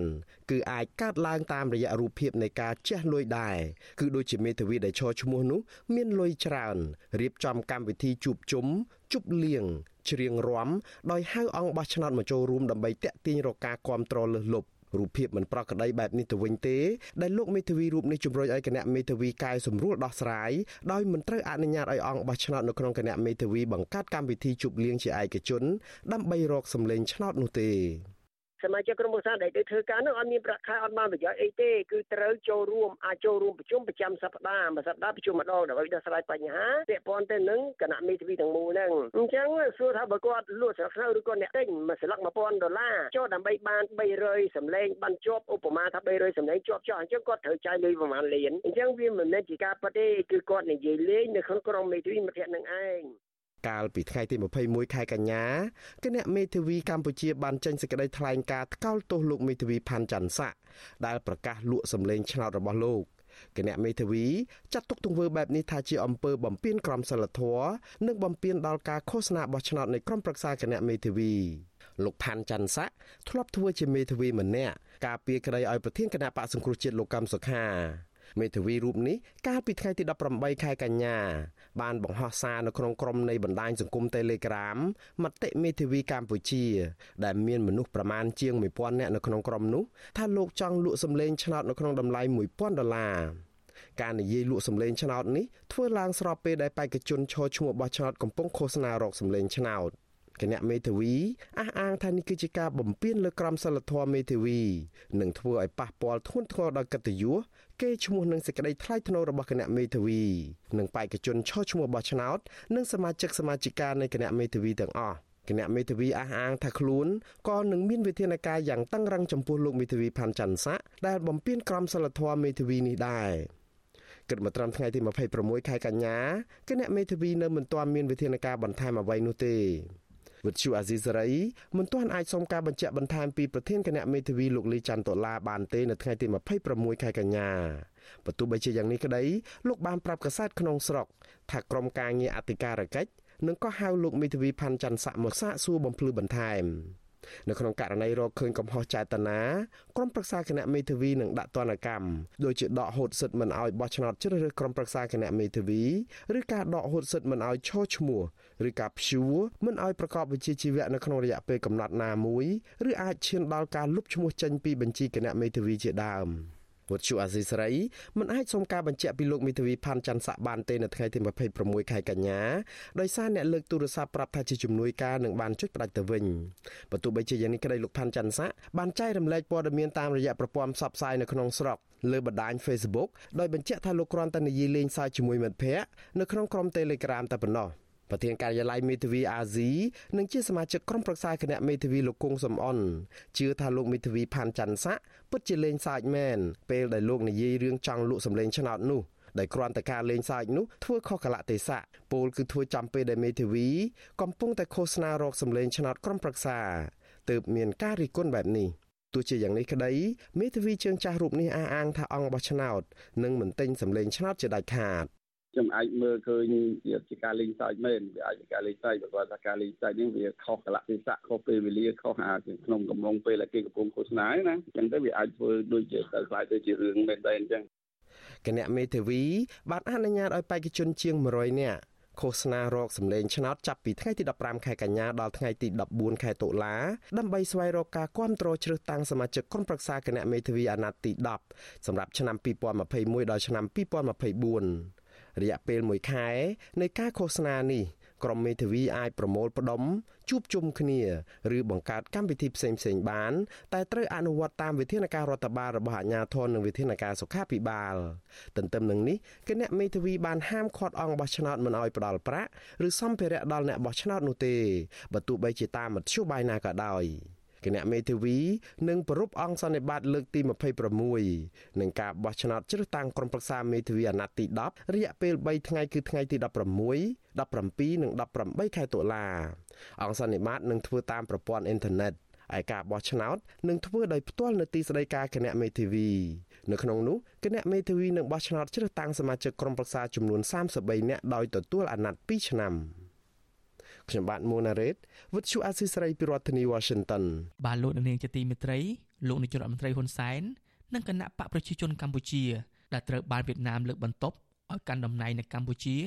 ក្រោយការដួលរំលំនៃរបបខ្មែរក្រហមហាក់ងាកចេញបន្តិចម្ដងបន្តិចម្ដងពីឥទ្ធិពលនៃទីក្រុងហាណូយទៅចាប់យកទីក្រុងប៉េកាំងដែលជាគូវិវាទរបស់វៀតណាមនៅក្នុងសមុទ្រចិនខាងត្បូងក្នុងពេលបច្ចុប្បន្នទីក្រុងប៉េកាំងហាក់កំពុងមានព្រៀបខ្លាំងជាងវៀតណាម ក្នុងការអូសទាញលោកហ៊ុនសែននិងគណៈបកប្រជាជនកម្ពុជាឲ្យកាន់តែជិតស្និទ្ធជាមួយចិនតើនៅពេលខាងមុខកម្ពុជាក្រោមការដឹកនាំរបស់លោកហ៊ុនសែនអាចបោះបង់វៀតណាមទាំងស្រុងងាកទៅចាប់ចិនដែរឬទេបាទសូមស្ដាប់បទវិភាគរបស់លោកសេបណ្ឌិតអំពីរឿងនេះដូចតទៅក្រោយការដួលរលំនៃរបបខ្មែរក្រហម នៅដើមឆ្នាំ1979លោកហ៊ុនសែនដែលកាលនោះទើបតែមានអាយុ27ឆ្នាំ មិនត្រូវបានមេដឹកនាំវៀតណាមលើកបន្ទប់ឲ្យកាន់តំណែង ក្នុងជួរថ្នាក់ដឹកនាំកម្ពុជាកម្ពុជានៃរបបថ្មី គឺរបបសាធារណរដ្ឋប្រជាមានិតកម្ពុជានោះទេរហូតដល់ថ្ងៃទី14ខែមករាឆ្នាំ1985ទើបលោកទទួលបានតំណែងជានាយករដ្ឋមន្ត្រីជាផ្លូវការ ជាតំណែងដែលលោកបានកាន់រហូតបន្ទាល់នឹងពេលបច្ចុប្បន្ននេះតាមការលើកឡើងរបស់លោកប៉ែនសវណ្ណ ដែលជាអតីតនាយករដ្ឋមន្ត្រីកម្ពុជា មុនលោកច័ន្ទស៊ីនិងលោកហ៊ុនសែនបានឲ្យដឹងថាវៀតណាមជ្រើសរើសលោកហ៊ុនសែនឲ្យកាន់តំណែងកម្ពុជានៅពេលនោះក៏ដោយសារតែលោកហ៊ុនសែនគឺជាអ្នកនយោបាយស្មោះត្រង់នឹងប្រទេសវៀតណាមលោកប៉ែនសវណ្ណបានរៀបរាប់នៅក្នុងសិភៅរបស់គាត់ថា គឺលោកហ៊ុនសែននេះឯងគឺជាអ្នកចូលរួមគំនិតជាមួយនឹងវៀតណាមចាប់ខ្លួនលោកបញ្ជូនទៅដាក់គុកនៅប្រទេសវៀតណាម ក្នុងឆ្នាំ1981ដោយសារតែលោកប្រឆាំងនឹងគោលនយោបាយរបស់វៀតណាមនៅកម្ពុជា ហើយលោកហ៊ុនសែននេះឯងជាអ្នកចោទលោកប៉ែនសវណ្ណថាជាអ្នកមានចិត្តចង្អៀតចង្អល់ចំពោះវត្តមាននៃជនជាតិវៀតណាមនៅក្នុងទឹកដីប្រទេសកម្ពុជាបើនិយាយអំពីទំនាក់ទំនងជាមួយនឹងរដ្ឋាភិបាលចិននៅពេលនេះវិញលោកហ៊ុនសែនស្អប់ចិនខ្លាំងណាស់នៅក្នុងសំណេរមួយកាលពីឆ្នាំ1988 លោកហ៊ុនសែនបានថ្កោលទោសចិនថា ចិន ជាឫសគល់នៃអំពើសោកនាដកម្មទាំងឡាយនៅកម្ពុជា ចំណែកជនជាតិចិននៅពេលនោះ បានលួចរៀនភាសាជនជាតិខ្លួនឯងដោយសម្ងាត់ព្រោះថារបបសាធារណរដ្ឋប្រជាមានិតកម្ពុជា បានហាមឃាត់មិនឲ្យមានការផ្សព្វផ្សាយវប្បធម៌ចិននៅកម្ពុជានោះទេខណៈដែលសាលារៀនភាសាចិនក៏ត្រូវបានរដ្ឋាភិបាលរបបនោះដាក់បំរាមមិនឲ្យដំណើរការឡើយ ប៉ុន្តែជំហររបស់លោកហ៊ុនសែនដែលធ្លាប់ប្រឆាំងចិន បានផ្លាស់ប្ដូរនៅក្រៅព្រឹត្តិការណ៍រដ្ឋប្រហារឆ្នាំ1997ហើយចិន ដែលធ្លាប់ត្រូវបានលោកហ៊ុនសែនថ្កោលទោសថាជាឫសគល់នៃបញ្ហានៅកម្ពុជាក៏បានងាកមកគាំទ្រលោកហ៊ុនសែនពេញទំហឹងវិញដែរក្នុងពេលដែលសហគមន៍អន្តរជាតិនាំគ្នាថ្កោលទោសលោកហ៊ុនសែនរឿងធ្វើរដ្ឋប្រហារទម្លាក់ព្រះអង្គម្ចាស់នរោត្តមរណរដ្ឋ ដែលជានាយករដ្ឋមន្ត្រីទី1កើតឡើងពីការបោះឆ្នោតស្របច្បាប់ ចិនក៏ជាប្រទេសដំបូងគេបង្អស់បានចេញមុខទទួលស្គាល់ភាពស្របច្បាប់របស់រដ្ឋាភិបាលលោកហ៊ុនសែននៅមុនពេលងាកមកគាំទ្រលោកហ៊ុនសែនចិនធ្លាប់ជាអ្នកគាំទ្រដ៏មុតមមមួយរបស់គណៈបកហ្វុនស៊ីពេចតាំងពីទសវត្សរ៍ឆ្នាំ1980 ដែលជាចលនាមួយប្រឆាំងនឹងរបបក្រុងភ្នំពេញ រហូតដល់មុនរដ្ឋប្រហារឆ្នាំ1997អ្នកជំនាញខ្លះលើកឡើងថាមូលហេតុចិនសម្រាប់ចិត្តបោះបង់ចោលព្រះអង្គម្ចាស់នរោត្តមរណរដ្ឋនៅក្រៅពេលរដ្ឋប្រហារដោយសារតែចិនមិនរំពឹងថាព្រះអង្គម្ចាស់អង្គនេះអាចវិលត្រឡប់មកកាន់អំណាចដោយដើមវិញឡើយបន្ថែមពីលើនេះហើយប្រហែលជាមូលហេតុសំខាន់បំផុតនោះ អ្នកជំនាញថា គឺចិននៅមានមន្ទិលអំពីភាពស្មោះត្រង់របស់ព្រះអង្គម្ចាស់នរោត្តមរណរដ្ឋចំពោះប្រទេសចិន ដោយសារតែព្រះអង្គម្ចាស់ធ្លាប់ជាអ្នកគង់នៅ និងរៀនសូត្រនៅក្នុងប្រទេសលោកខាងលិច ជាអ្នកប្រជាធិបតេយ្យហើយក៏ជាអ្នកនយោបាយដែលចូលចិត្តមានទំនាក់ទំនងល្អទាំងជាមួយសហរដ្ឋអាមេរិកនិងប្រទេសនៅក្នុងទ្វីបអឺរ៉ុបចាប់តាំងពីពេលនោះមកចំណងទំនាក់ទំនងរវាងលោកហ៊ុនសែននិងអ្នកនយោបាយចិន កាន់តែល្អប្រសើរ នឹងរឹតតែរឹងមាំឡើងរឹងមាំឡើង រហូតដល់លោកហ៊ុនសែនប្រកាសចាត់ទុកចិនថាជាមិត្តដ៏អស្ចារ្យនិងជាមិត្តដែលគួរឲ្យទុកចិត្តបំផុតរបស់កម្ពុជាខណៈដែលប្រធានាធិបតីចិន លោកស៊ីជីនពីងក៏បានចាត់ទុកកម្ពុជា ថាជាមិត្តដៃថែបរបស់ចិនភាពជិតស្និទ្ធរវាងលោកហ៊ុនសែននិងចិន ជាការពិតណាស់ជាការបញ្ជូនសារដ៏អាម៉ាស់មួយ សម្រាប់ប្រទេសវៀតណាម ដែលធ្លាប់ជាអ្នកជួយជ្រោមជ្រែងលើកបន្ទប់លោកហ៊ុនសែនឲ្យឡើងកាន់អំណាចភាពអាម៉ាស់ដែលត្រូវបានគេមើលឃើញថាធ្ងន់ធ្ងរបំផុតមួយ របស់រដ្ឋាភិបាលវៀតណាម នៅចំពោះមុខទំនាក់ទំនងកម្ពុជាចិន គឺជំហររបស់កម្ពុជា លំអៀងខ្លាំងទៅរកភៀកគីចិននៅក្នុងចំនួនសមុទ្រចិនខាងត្បូងដែលមានវៀតណាមជាដៃគូចំនួនជាមួយនឹងចិនលោកហ៊ុនសែនហាក់មិនបានរវីរវល់ឡើយ អំពីផលប្រយោជន៍របស់វៀតណាមនៅសមុទ្រចិនខាងត្បូងការរាំងខ្ទប់មិនឲ្យអាស៊ាន ចេញសេចក្តីថ្លែងការណ៍រួមនៅឆ្នាំ2012ពេលដែលកម្ពុជាធ្វើជាម្ចាស់ផ្ទះគឺជាឧទាហរណ៍ស្រាប់និន្នាការខ្លាំងក្លារបស់លោកហ៊ុនសែនទៅខាងចិននៅពេលនោះត្រូវបានពលរដ្ឋវៀតណាមជាអ្នកលេង Facebook ខ្លះចេញមករិះគន់លោកហ៊ុនសែនចំចំតែម្ដង ដោយចាត់ទុកលោកហ៊ុនសែនថាជាមនុស្សរមើលគុណក្បត់នឹងប្រទេសវៀតណាម ដែលធ្លាប់បានជួយជ្រោមជ្រែងលោកនៅក្នុងអតីតកាលក៏ប៉ុន្តែភាសារិះគន់ធ្ងន់ធ្ងរដូចនេះគេមិនធ្លាប់បានឮចេញពីមាត់របស់អ្នកនយោបាយវៀតណាមនោះឡើយទោះជាយ៉ាងណា ជាការឆ្លើយតបទៅកាន់ពលរដ្ឋវៀតណាម ហើយប្រហែលជាទៅកាន់រដ្ឋាភិបាលវៀតណាមដែរក៏ថាបាន គឺលោកហ៊ុនសែនហាក់មិនបានទុកមុខទុកមាត់ឲ្យវៀតណាម ដែលជាមិត្តចាស់ជិតស្និទ្ធបំផុតនោះដែរលោកហ៊ុនសែន បានឆ្លើយបែបឌឺដងទៅវិញថាវៀតណាមមិនមែនជាឪពុកម្ដាយរបស់លោក ហើយក៏មិនមែនជាស្ដេចឬក៏ជាចៅហ្វាយនាយរបស់លោកនោះដែរអ្នកដែលលោកត្រូវស្មោះត្រង់ជាមួយ គឺពលរដ្ឋខ្មែរព្រះមហាក្សត្រនិងប្រពន្ធរបស់លោក លោកហ៊ុនសែនសុំកុំឲ្យវៀតណាម យករឿងរ៉ាវផ្ទៃក្នុងរបស់ខ្លួន មកទម្លាក់កំហុសលើរូបលោក ចំណែកក្រសួងការបរទេសកម្ពុជាក៏បានចេញសេចក្តីថ្លែងការណ៍ថ្កោលទោស ពលរដ្ឋវៀតណាមចំពោះការប្រមាថមកលើលោកហ៊ុនសែនផងដែរគេពិបាកប្រកែកណាស់ថាទំនាក់ទំនងរវាងលោកហ៊ុនសែននិងចិន មានភាពល្អប្រសើរជាងទំនាក់ទំនងរវាងលោកហ៊ុនសែននិងរដ្ឋាភិបាលវៀតណាមក្នុងពេលបច្ចុប្បន្នអ្នកជំនាញផ្នែកទំនាក់ទំនងអន្តរជាតិរបស់វៀតណាមខ្លះចាត់ទុកកម្ពុជា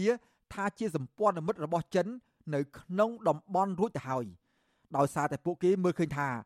កម្ពុជាមានទំនាក់ទំនងល្អជាមួយចិនស្ទើរគ្រប់វិស័យតាំងពីនយោបាយការទូតសេដ្ឋកិច្ចពាណិជ្ជកម្មជំនួយបរទេសសមុទ្រចិនខាងត្បូងគម្រោងខ្សែក្រវ៉ាត់និងផ្លូវនិងកិច្ចសហប្រតិបត្តិការផ្នែកយោធាព្រោះតែបច្ចុប្បន្នចិន គឺជាអ្នកផ្ដល់ជំនួយផ្នែកយោធាច្រើនជាងគេមកដល់របបលហ៊ុនសែន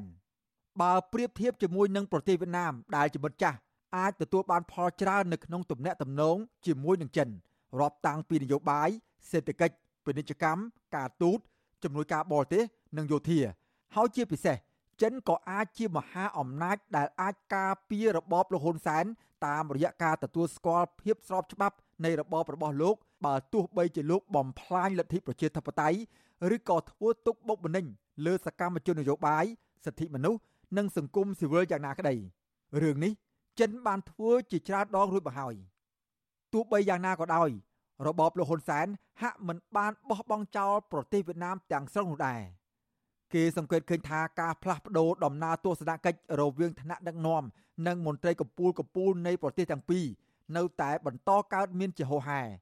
ភាគីទាំងពីរនៅតែបន្តរក្សាទំនាក់ទំនងល្អនៅក្នុងការជំរុញការផ្ដោះប្ដូរពាណិជ្ជកម្មនិងវិនិយោគជាពិសេសនៅស្ទើរតែរាល់ជំនួបថ្នាក់ដឹកនាំនយោបាយនៃប្រទេសទាំងពីរ គេតែងតែបដិញ្ញាគោរពនៅឯករាជ្យអធិបតេយ្យបូរណភាពទឹកដី ការមិនជ្រៀតជ្រែកចូលកិច្ចការផ្ទៃក្នុងនៃប្រទេសរៀងៗខ្លួន ការមិនអនុញ្ញាតឲ្យភាគីណាមួយប្រើប្រាស់ទឹកដីសម្រាប់បង្កអសន្តិសុខដល់ប្រទេសទាំងពីរនិងការសន្យាដោះស្រាយចំនួនរវាងប្រទេសទាំងពីរដោយសន្តិវិធីជាដើមទំនាក់ទំនងរវាងថ្នាក់ដឹកនាំខេត្តរបស់កម្ពុជាជាមួយនឹងថ្នាក់ដឹកនាំខេត្ត ដែលជាប់ព្រំប្រទល់ជាមួយនឹងប្រទេសវៀតណាមក៏មានដែរមានការបង្កើនកិច្ចសហប្រតិបត្តិការថែរក្សាសន្តិសុខនៅតាមព្រំដែនការបង្ក្រាបការជួញដូរមនុស្សនិងគ្រឿងញៀនជាដើមលើសពីនេះភាគីវៀតណាមក៏តែងតែស្នើឲ្យរដ្ឋាភិបាលកម្ពុជា ជួយមើលថែទាំពលរដ្ឋវៀតណាមឲ្យដូចប្រជាពលរដ្ឋដទៃទៀតដែលកំពុងរស់នៅលើទឹកដីកម្ពុជា ក្រៅពីនោះ ជនជាតិវៀតណាមក៏ត្រូវបានរបបលោកហ៊ុនសែនអនុញ្ញាតឲ្យបង្កើតសមាគមនៅស្ទើរតែគ្រប់ខេត្តក្រុងទូទាំងប្រទេសខណៈដែលស្ទូបអនុស្សាវរីយ៍មិត្តភាពកម្ពុជាវៀតណាមក៏ត្រូវបានសាងសង់ពាសពេញប្រទេសផងដែរបើនិយាយអំពីកិច្ចសហប្រតិបត្តិការនៅក្នុងតំបន់វិញ កម្ពុជានិងវៀតណាមក៏នៅមានជំហររួមនៅក្នុងរឿងខ្លះដែរដោយជាការរួមគ្នាប្រឆាំងទៅនឹងគម្រោងសាងសង់ទំនប់វារីអគ្គិសនីនៅខ្សែទឹកខាងលើនៃទន្លេមេគង្គរបស់ប្រទេសឡាវ ដែលអាចបង្កផលប៉ះពាល់ដល់កម្ពុជា និងវៀតណាម ដែលស្ថិតនៅខ្សែទឹកខាងក្រោមនៃទន្លេមេគង្គកម្ពុជាមិនអាចបោះបង់ចោលវៀតណាមបានទាំងស្រុងនោះទេក្រៅតែពីជាសមាជិកអាស៊ានដូចគ្នា និងជាប្រទេសជិតខាងភូមិផងរបងជាមួយគ្នា កម្ពុជានៅមានរឿងសំខាន់សំខាន់មួយចំនួន ដែលត្រូវដោះស្រាយជាមួយភាគីវៀតណាម ជាពិសេសគឺការដោះស្រាយបញ្ហាព្រំដែនគោកដែលនៅសេសសល់និងព្រំដែនទឹក ប្រកបដោយភាពចម្រូងចម្រាសរហូតមកទល់នឹងពេលនេះភាគីកម្ពុជានិងវៀតណាមសម្រេចបានការបោះបង្គោលព្រំដែនគោកចំនួន84%រួចមកហើយចំណែកព្រំដែនទឹកវិញ គឺនៅទាំងស្រុងតែម្ដង អ្នកវិភាគធ្លាប់មើលឃើញថាភាពមិនចុះសម្រុងគ្នា រវាងអ្នកនយោបាយខ្មែរអំពីការកំណត់ព្រំដែនជាមួយនឹងប្រទេសវៀតណាមអាចនឹងធ្វើឲ្យមានបញ្ហាបោះបង្គោលព្រំដែននេះអូសបន្លាយពេលយូរអង្វែងបន្តទៀត ក្នុងពេលជាមួយគ្នានេះភាគីវៀតណាមហាក់នៅមិនទាន់មានភាពស្មោះត្រង់ជាមួយនឹងកម្ពុជា អំពីការដោះស្រាយបញ្ហាព្រំដែននេះនៅឡើយទេ ជាញឹកញយវៀតណាម បានលួចសង់បន្ទាយឬក៏ប៉ុស្តិ៍យាមនៅលើតំបន់សឬតំបន់មិនទាន់ដោះស្រាយរួចរាល់នៅតាមបណ្ដោយព្រំដែនរហូតទាល់តែកម្ពុជាតវ៉ាខ្លាំងទើបអាញាធរវៀតណាមព្រមរុះរើដកចេញទៅវិញទង្វើទាំងនេះ បានធ្វើឲ្យពលរដ្ឋខ្មែរបន្តមានមន្ទិលសង្ស័យចំពោះមហិច្ឆតាលួចទឹកដីខ្មែរពីសំណាក់ប្រទេសវៀតណាមមែនតែនទៅ នៅពេលដែលនិយាយដល់រឿងទឹកដីពលរដ្ឋខ្មែរមិនដែលទុកចិត្តវៀតណាមម្ដងណាឡើយហើយពលរដ្ឋខ្មែរមួយភាគធំក៏មិនចង់ឲ្យរដ្ឋាភិបាលកម្ពុជា មានភាពល្អក់ល្អឿនខ្លាំងពេកជាមួយនឹងរដ្ឋាភិបាលវៀតណាមនោះដែរព្រោះខ្លាចថាកម្ពុជាអាចធ្លាក់ក្នុងអន្ទាក់កលបិចរបស់វៀតណាម ដូចក្នុងពេលអតីតកាលទោះយ៉ាងណាការបែរទិសដៅរបស់កម្ពុជា ទៅជិតស្និទ្ធជាមួយនឹងប្រទេសចិនជ្រុលហួសហេតុពេកក៏កំពុងបង្កជាការបារម្ភសម្រាប់ប្រជាពលរដ្ឋខ្មែរផងដែរការពិតណាស់ទាំងប្រទេសវៀតណាមក្តីទាំងចិនក្តីសុទ្ធតែធ្លាប់បានចូលរួមបង្កការលំបាកនិងវិនាសកម្មនៅកម្ពុជា ក្រៅពីធ្លាប់បានធ្វើបាប សង្កត់សង្កិនពូជសាសន៍ខ្មែរនៅក្នុងពេលអតីតកាល វៀតណាមក៏បានលេបយកទឹកដីខ្មែរស្ទើរមួយចំហៀងនគរនៅកម្ពុជាក្រោមធ្វើឲ្យខ្មែរក្រោមជាម្ចាស់ស្រុករស់នៅខ្វះសិទ្ធិសេរីភាពលើទឹកដីកំណើតដូនតារបស់ខ្លួនរហូតមកដល់ពេលបច្ចុប្បន្នរីឯវត្តមាននៃជនជាតិវៀតណាមនៅលើទឹកដីកម្ពុជាបច្ចុប្បន្ននៅតែបន្តធ្វើឲ្យពលរដ្ឋខ្មែរមានក្តីបារម្ភនិងពុំសូវសប្បាយចិត្តនោះឡើយចំណែកចិនវិញចិនធ្លាប់បានគាំទ្ររបបខ្មែរក្រហម ដែលប្រព្រឹត្តអំពើប្រល័យពូជសាសន៍នៅកម្ពុជា ក្នុងពេលដែលពួកគេកាន់អំណាចរីឯក្នុងពេលបច្ចុប្បន្នក៏មានពលរដ្ឋខ្មែរមិនតិចទេ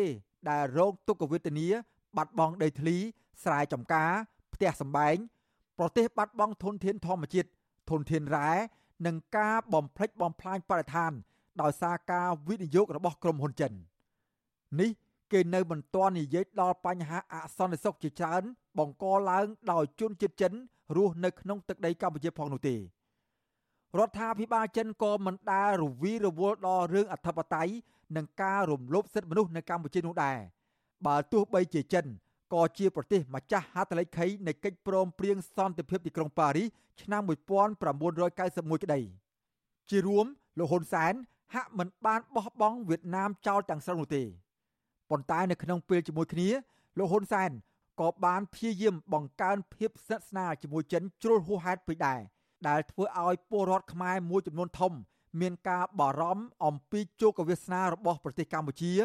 នៅចំពោះមុខការប្រកួតប្រជែងឥទ្ធិពលភូមិសាស្ត្រនយោបាយរបស់ប្រទេសមហាអំណាចនៅក្នុងតំបន់ការប្រកាន់ភ្ជាប់នៅគោលការណ៍មិនយកប្រទេសណាជាសត្រូវការប្រកាន់ភ្ជាប់នៅគោលនយោបាយការបរទេសអព្យាក្រឹតអចិន្ត្រៃយ៍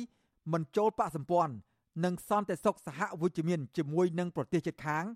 និងប្រទេសផ្សេងទៀតនៅលើពិភពលោកយ៉ាងពិតប្រាកដមួយត្រូវបានគេមើលឃើញថាជាជំរើសដ៏ល្អបំផុតសម្រាប់ប្រទេសកម្ពុជា នៅពេលបច្ចុប្បន្នខ្ញុំបាទសេកបណ្ឌិតវិទ្យុអាស៊ីសេរីពីរដ្ឋធានីវ៉ាស៊ីនតោន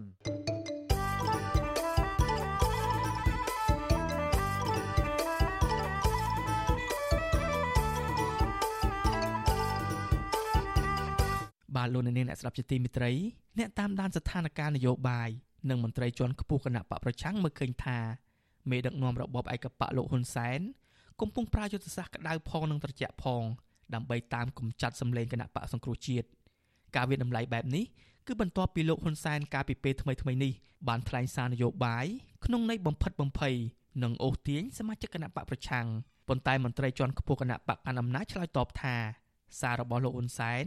មានលក្ខណៈជាការសន្តោសប្រណីទៅវិញទេបាទលោកមូណារ៉េតមានសេចក្តីរាយការណ៍លម្អិតមួយទៀតអំពីរឿងនេះលោកនាយរដ្ឋមន្ត្រីហ៊ុនសែនហាក់មិនបានដកថយនោះទេក្នុងការតាមកម្ចាត់កម្លាំងគណៈបកសង្គ្រោះជាតិបើទោះបីជារបបលោកបានរំលាយគណៈបកនេះប្រមាណ4ឆ្នាំទៅហើយក្តីលោកនៅតែគម្រាមកំហែងនិងបន្តលួងលោមសមាជិកគណៈបកសង្គ្រោះជាតិឲ្យឈប់គាំទ្រឬឈប់ធ្វើសកម្មភាពជាមួយគណៈបកនេះតទៅទៀត។ អគ្គលេខាធិការសហព័ន្ធនិស្សិតបញ្ញវន្តកម្ពុជាលោកគៀនពន្លកសង្កេតឃើញថាលោកនាយរដ្ឋមន្ត្រីហ៊ុនសែនកំពុងប្រើយុទ្ធសាស្ត្រពីរក្នុងពេលតែមួយគឺការសម្លុតផង និងការលួងលោមផង ដើម្បីកម្ចាត់កម្លាំងគណៈបកប្រឆាំងដែលនៅសេសសល់ លោកបន្តថាយុទ្ធសាស្ត្រទាំងពីរនេះត្រូវបានប្រើប្រាស់តាំងពីក្រោយការរំលាយគណៈបកសង្គ្រោះជាតិក៏ប៉ុន្តែហាក់មិនទទួលបានជោគជ័យនោះទេពីព្រោះសហគមន៍អន្តរជាតិនៅតែទទួលស្គាល់គណៈបកសង្គ្រោះជាតិហើយសកម្មជននិងពលរដ្ឋជាច្រើននៅតែគាំទ្រគណៈបកប្រឆាំងមួយនេះដដែលលោកគៀនពន្លកបន្ថែមថាដោយសារតែមិនទាន់ទទួលបានជោគជ័យដោយក្តីរំពឹងទុកបែបនេះហើយទើបលោកហ៊ុនសែននៅតែបន្តប្រើយុទ្ធសាស្ត្រគម្រាមកំហែងនិងលួងលោមសមាជិកគណៈបកប្រឆាំងមកដល់ពេលនេះ គណៈបកសង្គ្រោះជាតិស្វ័យត្បិតតែរូបរាងបានបាត់មែនក៏ប៉ុន្តែពលឹងសង្គ្រោះជាតិនៅតែមានជាក់ស្ដែងយើងមើលក្រមប្រសាគុំសង្កាត់ដែលជាប់ឆ្នោតជាង5000នាក់ហ្នឹងគឺប្រមាណជា10ឬក៏15%ទេដែលចុះចូលជាមួយនឹងគណៈបកប្រជាជនអញ្ចឹងយើងឃើញថាស្រមោលសង្គ្រោះជាតិនៅតែមានភាពរឹងមាំដដែលអញ្ចឹងការសម្លុតគម្រាមកំហែងនេះគឺរដ្ឋាភិបាលនៅតែភ័យព្រួយពីប្រលឹងសង្គ្រោះជាតិនឹងអាចរស់ឡើងវិញនៅពេលណាមួយ ការវាយតម្លៃរបស់អ្នកតាមដានស្ថានភាពនយោបាយនេះធ្វើឡើងក្រោយពីលោកនាយរដ្ឋមន្ត្រីហ៊ុនសែនបន្តបញ្ចេញសារនយោបាយបែបគម្រាមកំហែងនិងលួងលោមសមាជិកគណៈបកប្រឆាំងលោកហ៊ុនសែនបានថ្លែងកាលពីថ្ងៃទី17ខែកញ្ញាថាលោកគ្មានផ្លូវចរចាជាមួយនឹងគណៈបកប្រឆាំងនោះទេលោកបញ្ជាក់ថាបញ្ហាអាទិភាពដែលលោកត្រូវដោះស្រាយនៅពេលនេះគឺវិបត្តិជំងឺ Covid-19 និងបញ្ហាសេដ្ឋកិច្ចសង្គមរីឯបញ្ហារបស់គណៈបកប្រឆាំងលោកទុកនៅតុលាការ ទន្ទឹមនឹងគ្នានេះលោកបានគម្រាមថាបើប្រជាពលរដ្ឋណាហ៊ានលើកឡើងឬក៏គាំទ្រចលនាឬក៏រដ្ឋាភិបាលបង្រួបបង្រួមជាតិដែលផ្ដួចផ្ដើមគំនិតដោយលោកសំរងស៊ីពលរដ្ឋរូបនោះត្រូវប្រឈមនឹងការចាប់ដាក់ពន្ធនាគារនិងការបាញ់សម្លាប់ក៏ប៉ុន្តែក្នុងពេលជាមួយគ្នានោះលោកហ៊ុនសែនក៏បានប្រកបប្រកាសជាថ្មីទៀតឲ្យសមាជិកគណៈបកប្រឆាំងវិលចូលស្រុកដើម្បីធ្វើនយោបាយវិញដែរពួកឯងនេះល្មមនឹងចូលអ៊ីស្រ័យណាណាដឹងខ្លួនមកមុនមកធ្វើបកនយោបាយទៅ បង្កើតបកនយោបាយទៅហើយរស់ស៊ីធម្មតាទៅអ្នកខ្លំមើលស្ថានភាពនយោបាយកម្ពុជា សង្កេតឃើញថាមេដឹកនាំរបបឯកបកលោកហ៊ុនសែនមានអារម្មណ៍មិនទៀងទាត់ទេ លោក Brad Adams នាយកប្រតិបត្តិនៃអង្គការឃ្លាំមើលសិទ្ធិមនុស្សអន្តរជាតិ Human Rights Watch ទទួលបន្ទុកកិច្ចការតំបន់អាស៊ីធ្លាប់និយាយថាលោកហ៊ុនសែនមានសតិផ្លូវចិត្តមិននឹងណទេពេលលោកអារម្មណ៍ល្អលោកថាសមាជិកគណៈបកប្រឆាំងចាញ់បោកនយោបាយថ្នាក់ដឹកនាំរបស់ពួកគេក៏ប៉ុន្តែនៅពេលដែលលោកក្តៅក្រហាយវិញលោកចាត់ទុកសមាជិកគណៈបកប្រឆាំងថាជាក្រុមក្បត់ជាតិដែលលោកត្រូវតែកម្ចាត់ចោល។ បើទោះបីជាយ៉ាងនេះក្តីមន្ត្រីជាន់ខ្ពស់និងជាអ្នកនាំពាក្យគណៈបកប្រជាជនកម្ពុជាលោកសុកអេសានថ្លែងការពីប្រសាសន៍របស់លោកនាយរដ្ឋមន្ត្រីហ៊ុនសែនថាជារឿងត្រឹមត្រូវនិងថារដ្ឋាភិបាលអនុវត្តទៅតាមគោលការណ៍ច្បាប់លោកច្រានចោលមតិដែលថាលោកនាយរដ្ឋមន្ត្រីហ៊ុនសែនកំពុងតែប្រើយុទ្ធសាស្ត្រគម្រាមកំហែងនិងលួងលោមសមាជិកគណៈបកប្រឆាំងលោកអះអាងថាការបើកផ្លូវឲ្យសមាជិកគណៈបកប្រឆាំងវិលចូលស្រុកដើម្បីធ្វើនយោបាយវិញនោះ គឺជានយោបាយសន្តោសប្រណីរបស់គណៈបកប្រជាជនកម្ពុជាបកត្រូវបានរំលាយចោលហើយទៅបង្កើតអង្គការចាត់តាំងណាមួយអានឹងវាជាក្រុមខុសច្បាប់ហើយហើយបើអ្នកធ្វើសកម្មភាពឲ្យក្រុមខុសច្បាប់អ្នកនោះក៏ខុសច្បាប់ដែរអញ្ចឹងបានសម្ដេចលើកលែងថាឥឡូវនេះអ្នកដែលរត់ទៅថៃទៅស្អីស្អីនឹងឲ្យមកចូលស្រុកវិញក៏ក៏ប៉ុន្តែលើមូលដ្ឋានកុំឲ្យធ្វើសកម្មភាពបំរើឲ្យក្រុមខុសច្បាប់តទៅទៀតដើម្បីកុំឲ្យខ្លួនឯងខុសច្បាប់ផ្ទុយពីការអះអាងនេះមន្ត្រីជាន់ខ្ពស់គណៈបកសង្គ្រោះជាតិលោកអ៊ុំសំអានថ្លែងថាលោកហ៊ុនសែនបានបរាជ័យនៅក្នុងការបំបែកនិងអូសទាញសមាជិកគណៈបកប្រឆាំងលោកបន្តថាលោកហ៊ុនសែនដឹងច្បាស់ថាប្រជាពលរដ្ឋនៅតែគាំទ្រគណៈបកសង្គ្រោះជាតិ អតីតតំណាងរាជគណៈបកប្រឆាំងដែលលោកហ៊ុនសែនធ្លាប់ចាប់ដាក់ពន្ធនាគារជាច្រើនឆ្នាំដោយសារតែបញ្ចេញមតិរិះគន់បញ្ហាព្រំដែនកម្ពុជាវៀតណាមរូបនេះសង្កត់ធ្ងន់ថាបំណងធំបំផុតរបស់លោកហ៊ុនសែនគឺចង់ឲ្យគណៈបកសង្គ្រោះជាតិបែកបាក់គ្នា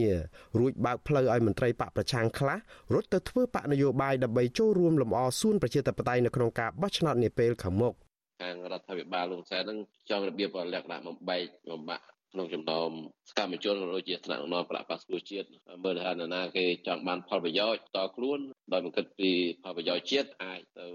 កំដរសួនប្រជាធិបតេយ្យតាមរយៈការបង្កើតគណៈបកទុយតែនៅកម្ពុជាទៅហើយសកម្មជនគណៈបក្សប្រជាជាតិមួយចំនួនដែលនៅសកម្មហ្នឹងគឺគាត់ចង់បំផិតបំភ័យរំបាក់ស្មារតីកុំឲ្យចូលរួមសកម្មភាពគណៈបក្សប្រជាជាតិជាពិសេសចូលរួមសកម្មភាពជាមួយថ្នាក់ដឹកនាំគណៈបក្សប្រជាជាតិនៅក្រៅប្រទេសណាក្នុងរយៈពេលប្រមាណឆ្នាំចុងក្រោយនេះ របបលោកហ៊ុនសែនបានបន្តការបង្ក្រាបទ្រង់ទ្រាយធំលើសមាជិកគណៈបកសង្គ្រោះជាតិដោយប្រើប្រាស់ប្រព័ន្ធតុលាការ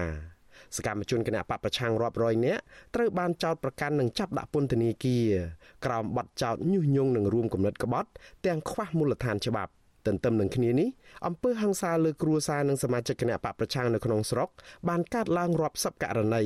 នៅក្នុងនោះស្ទើរតែគ្រប់ករណីអាជ្ញាធរមិនបានចាប់ខ្លួនជនដៃដល់មកដាក់ទោសនោះឡើយ បើទោះបីជាយ៉ាងនេះក្តីនៅក្នុងពេលជាមួយគ្នានេះសមាជិកគណៈបកប្រឆាំងដែលបានចុះចូលឬព្រមសុំសិទ្ធិធ្វើនយោបាយពីលោកហ៊ុនសែនពួកគេមិនប្រឈមទៅនឹងការធ្វើទុកបុកម្នេញទាំងនេះទេពួកគេខ្លះបានរួចផុតពីបទចោទប្រកាន់ខ្លះទទួលបានសិទ្ធិធ្វើនយោបាយហើយខ្លះទៀតបង្កើតបានជាគណៈបកនយោបាយថែមទៀតផង គិតមកត្រឹមចុងខែកញ្ញាឆ្នាំ2021គណៈបកដែលបង្កើតឡើងដោយអតីតមន្ត្រីជាន់ខ្ពស់គណៈបកសង្គ្រោះជាតិមានចំនួន6គណៈបកទៅហើយក្នុងនោះ4គណៈបកត្រូវបានក្រសួងមហាផ្ទៃចុះបញ្ជីទទួលស្គាល់ជាផ្លូវការបើទោះបីជាបែបនេះក្តីក្រុមអ្នកតាមដានស្ថានភាពនយោបាយមើលឃើញថាកម្លាំងគ្រប់គ្រងរបស់គណៈបកសង្គ្រោះជាតិនឹងមិនបាត់បង់ទៅណាឡើយពីព្រោះប្រជាពលរដ្ឋខ្មែរនៅតែចង់បានការផ្លាស់ប្ដូរ មូលហេតុសំខាន់នោះគឺដោយសារតែក្នុងរយៈពេល4ឆ្នាំនៃការគ្រប់គ្រងប្រទេសផ្ដាច់មុខរដ្ឋាភិបាលលោកហ៊ុនសែនមិនបានកែតម្រង់របៀបដឹកនាំរបស់ខ្លួននោះទេក៏ប៉ុន្តែបែរជាបង្កើតឲ្យមានករណីរំលោភសិទ្ធិប្រជាពលរដ្ឋអំពើពុករលួយនិងបញ្ហាអយុត្តិធម៌សង្គមចាក់ស្រេះទៅវិញនៅក្នុងស្ថានភាពបែបនេះអ្នកឃ្លាំមើលស្ថានភាពជឿជាក់ថាបរបបលោកហ៊ុនសែន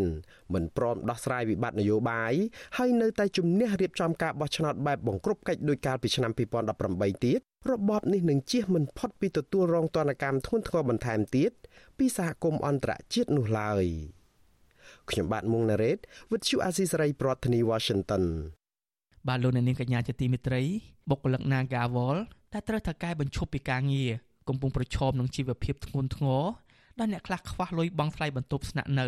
និងខ្លះត្រូវបង្ខំចិត្តលក់ម៉ូតូចាយសិនក្នុងគ្រាដែលគ្មានការងារបែបនេះមន្ត្រីសហជីពប្រចាំក្រុមហ៊ុន ស្នើទៅភាគីពាក់ព័ន្ធផ្ដល់យុត្តិធម៌ដល់បុគ្គលិកដែលត្រូវបានបញ្ឈប់និងត្រូវទទួលយកបុគ្គលិកទាំងនោះមកវិញបានអ្នកស្រីខែសំណងរាយការណ៍ព័ត៌មាននេះលក់ម៉ូតូចាយសិនគឺជាស្ថានភាពពិតកើតឡើងនៅក្នុងគ្រួសាររបស់លោកស្រីសូលីដាដែលត្រូវធ្វើការក្រុមហ៊ុន Naga World បញ្ឈប់ពីការងារលោកស្រីសូលីដាដែលបាត់បង់ការងារទាំងប្តីនិងប្រពន្ធ រយៈពេល5ខែមកនេះត្រូវបង្ខំចិត្តលក់ម៉ូតូដោះស្រាយការចំណាយប្រចាំថ្ងៃ និងត្រៀមលុយសម្រាលកូន។ ញ៉ាំបាយញ៉ាំអីជាមួយម៉ាក់ជាមួយអីចឹងទៅហើយតិចអីចូលតិចតួចហ្នឹងគឺខ្ចីគេខ្ចីអីតិចតួចហ្នឹងទៅបងហើយនឹងលក់ម៉ូតូដែរនិយាយអស់ទៅគឺលក់ម៉ូតូមួយដែរសម្រាប់ប្រហែលខែ5ខែនេះគឺកំពុងតែមានទម្ងន់ជើងផងគិតច្រើនណាបាត់បង់ទាំងពីរអ្នកចំណូលហ្មងហើយនឹងត្រូវត្រូវការលុយទិញសម្ភារៈទុកពេលកើតកូនហើយនឹងនឹងដល់ពេលកើតកូនហ្នឹងមិនដឹងថាមិនមកទៀតពីណាជួយពីណាអីទៀតអូយមិនដែរជួបប្រទេសអញ្ចឹងឯងគឺ4 10បុកក្នុងពេលតែមួយស្ត្រីរូបនេះរំលឹកថាលោកស្រីនិងប្តីប្រឹងប្រែងធ្វើការងារនិងគ្រប់ពេលវេលាប៉ុន្តែបែរជាត្រូវក្រុមហ៊ុនបញ្ឈប់ពីការងារទៅវិញលោកស្រីសង្ស័យថាការបញ្ឈប់លោកស្រីនិងប្តីរួមទាំងបុគ្គលិកផ្សេងទៀតអាចមកពីថកែកាស៊ីណូ Naga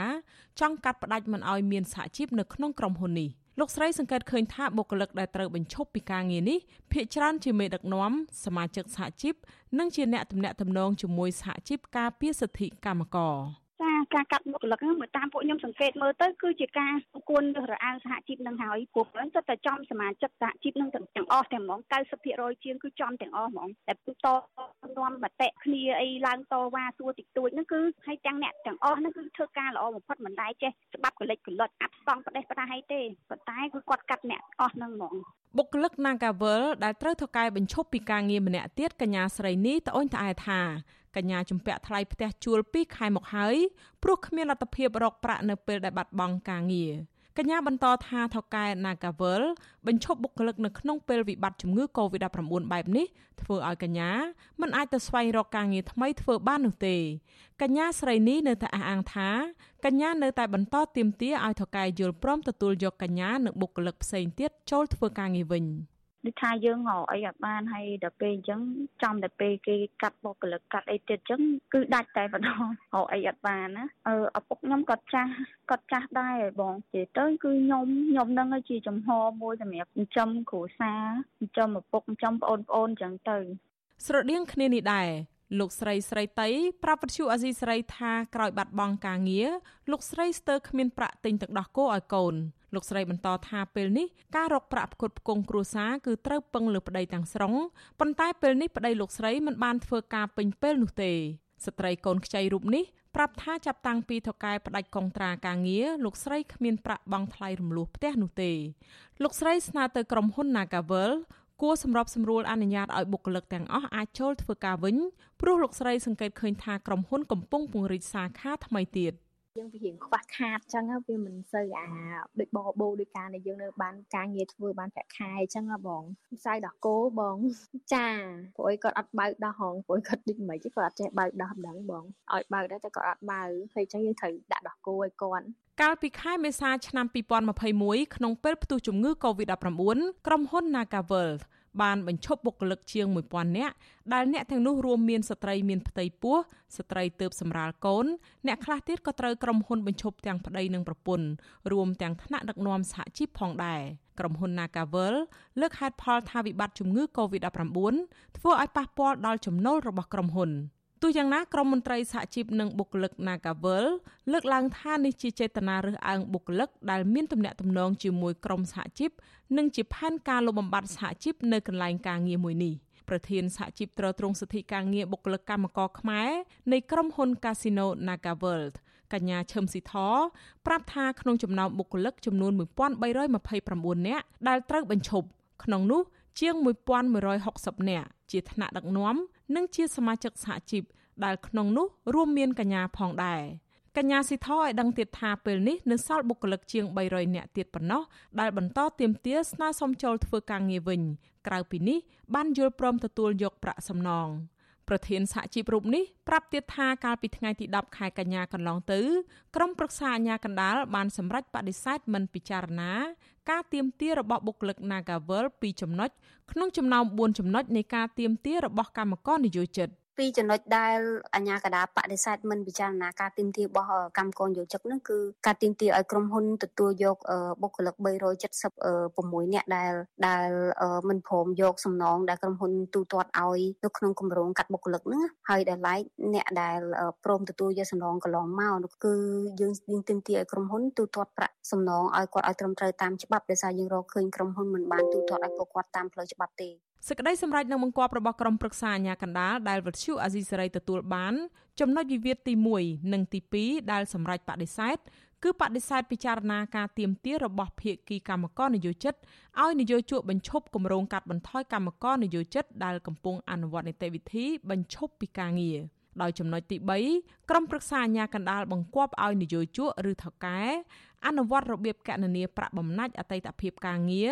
សោហ៊ុយជំងឺចិត្ត ប្រាក់រំលឹកអតីតភាពការងារមុនឆ្នាំ2019ប្រាក់បំណាច់ជួសការឈប់សម្រាកប្រចាំឆ្នាំ និងប្រាក់បំណាច់ទូទាត់ជួសការជូនដំណឹងមុនជូនបុគ្គលិកកម្មករនយោជិតឲ្យបានត្រឹមត្រូវតាមច្បាប់ និងពេលបញ្ចប់កិច្ចសន្យាការងារនៅចុងឆ្នាំ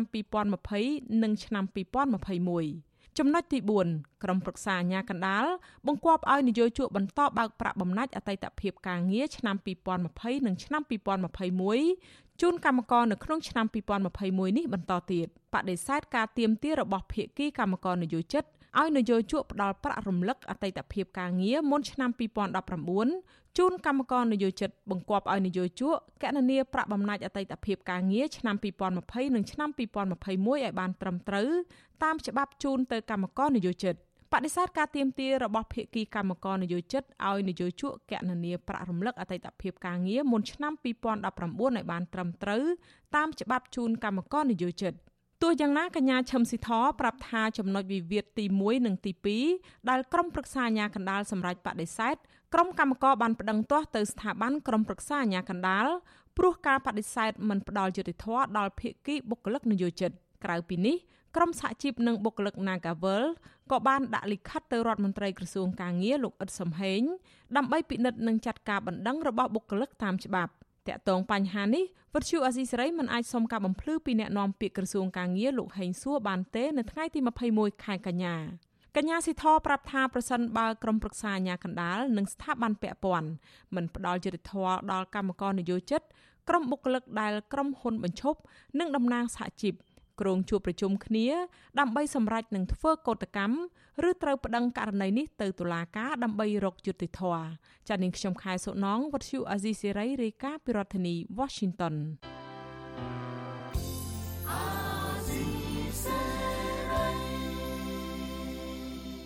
បាឡូននាងជាទីមេត្រីការផ្សាយរយៈពេល1ម៉ោងនៃវិទ្យុអេស៊ីសរ៉ៃជាភាសាខ្មែរនៅពេលនេះចប់តែប៉ុណ្ណេះ យើងខ្ញុំសូមជូនពរដល់លោកអ្នកនាងព្រមទាំងក្រុមគូសាទាំងអស់ឲ្យជួបប្រកបតែនឹងសេចក្តីសុខចម្រើនរុងរឿងកំបីគ្លៀងគ្លាតឡើយខ្ញុំបាទជាចំណានព្រមទាំងក្រុមការងារនៃវិទ្យុអេស៊ីសរ៉ៃសូមអរគុណនិងសូមជម្រាបលា